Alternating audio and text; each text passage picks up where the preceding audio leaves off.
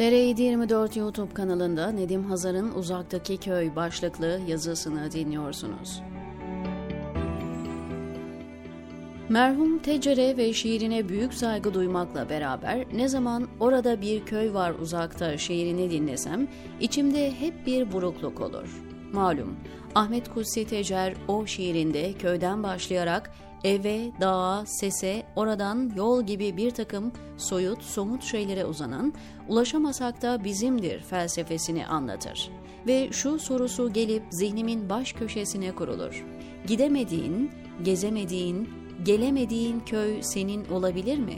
Tarihçi değilim elbet ama sanki bir yerlerde Osmanlı sultanlarının devleti aliyeye ait olmayan topraklara adım atmadıklarını okumuştum.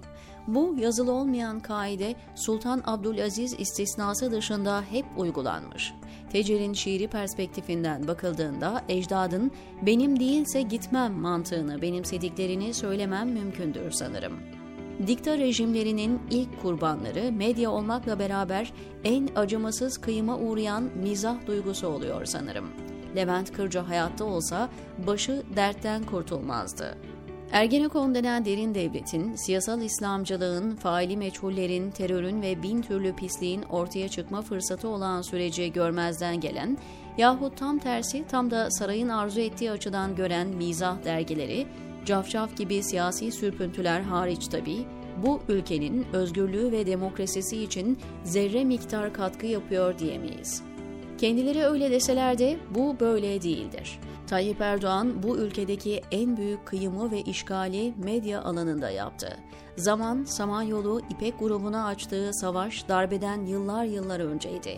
Geçtiğimiz gün başka bir vesileyle belirtmiştim. Bu ülkede demokratik seçimlerin en büyük teminatlarından biri Cihan Haber Ajansı'ydı. Siyasal İslam gemi azıya almadan ne kadar baskı yapsa seçim gecesi siber saldırı yapacak kadar gözleri dönmüştü yapsa da Cihan Haber Ajansı seçim sonuçlarını en doğru şekilde veriyordu. Bunu bizzat pek çok CHP ve MHP'liden duydum. Dolayısıyla dikta rejimi önce özgür medyayı boğdu. Diğerleri yiyin birbirinizi mantığıyla ses çıkarmadılar. Hatta Ruşen Çakır gibi sahte demokratlar neredeyse kına yapacak hale geldiler. Sonuçta bir iki etkisiz muhalif medyadan başka özgür bir mecra kalmadı. Ve emin olun 14 Mayıs sonrasında eğer arzu ettikleri neticeyi alırlarsa artık ondan daha söz edemeyeceğiz. Sözcü, Cumhuriyet gibi gizli sarayın mevkutelerini saymıyorum zaten. Seçim öncesi nasıl Erdoğan'ın siyasi turu vaatları birer birer kimliklerini açık ettiler, aynen öyle de seçim sonrası karanlık odacılar hariç medyada da havuz yalakalarının yanına geçecek muhalif görünümlü medya tayfasını göreceğiz. Türkiye tamamen açık hava hapishanesine çoktan dönüşmüş durumda. Bir iki cılız ses ve nefesinde en fazla bir ay sonra inşallah yanılırım sona ereceğini düşünüyorum. Kimi ırkçı, kimi kişisel zaaflar, kimi ergenekon hassasiyeti, kimi de içindeki kin ve hasetten dolayı muhafazakar ve cemaat medyasının ipini çekenlerin kötü dönemi başlayacak. Ve fakat bir de madalyonun bu yüzü var. Bir dönem YouTube videolarına ağırlık vermiştim. Abone sayısının belli bir miktar olacağına inanıyordum.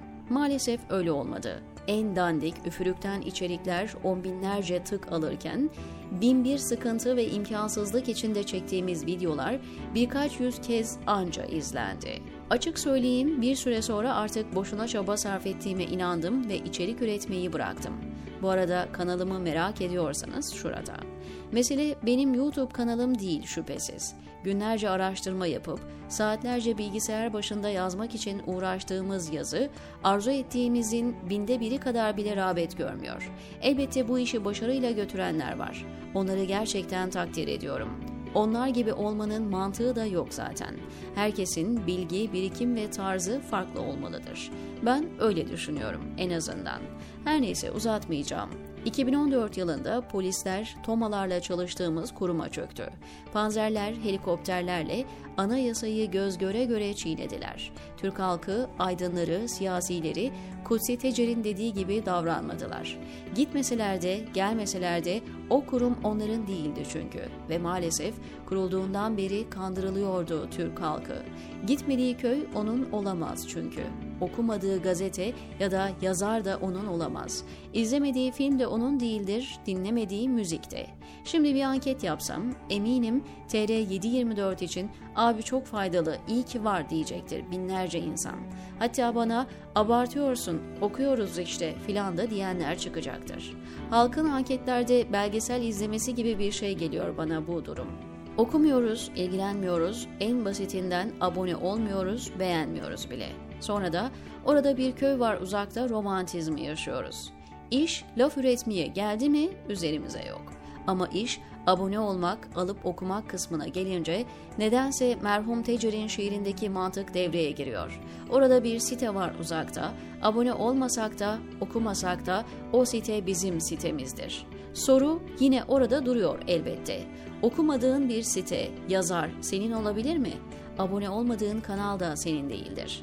Kitaptan tiyatroya, gazeteden televizyona kadar aynı şey geçerli. Siyasal İslamcıların, ergenekoncuların, holdingcilerin, çetelerin televizyon programları izleniyor, siteleri takip ediliyorsa ve buna haysiyetli karşı duruş gösteren, mesleki kriterler ve insani değerler açısından bahsi geçen güruhtan kat be kat ileride de olan bu mevkuteler okunmuyor ve izlenmiyorsa kimse kusura bakmasın sizin değildir. İzlemediğin film, takip etmediğin televizyon, okumadığın gazete, almadığın dergi, kitap senin değildir.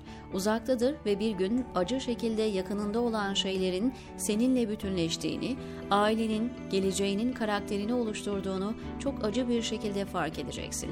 Ne yapayım ben gidemediğim köyü kardeşim? Birbirimizi kandırmayalım. İçli köftede Ramazan kampanyası yapıyorum. İlgilenen yazsın, muhabbetle, diyor Nedim Hazar, TR724'deki köşesinde.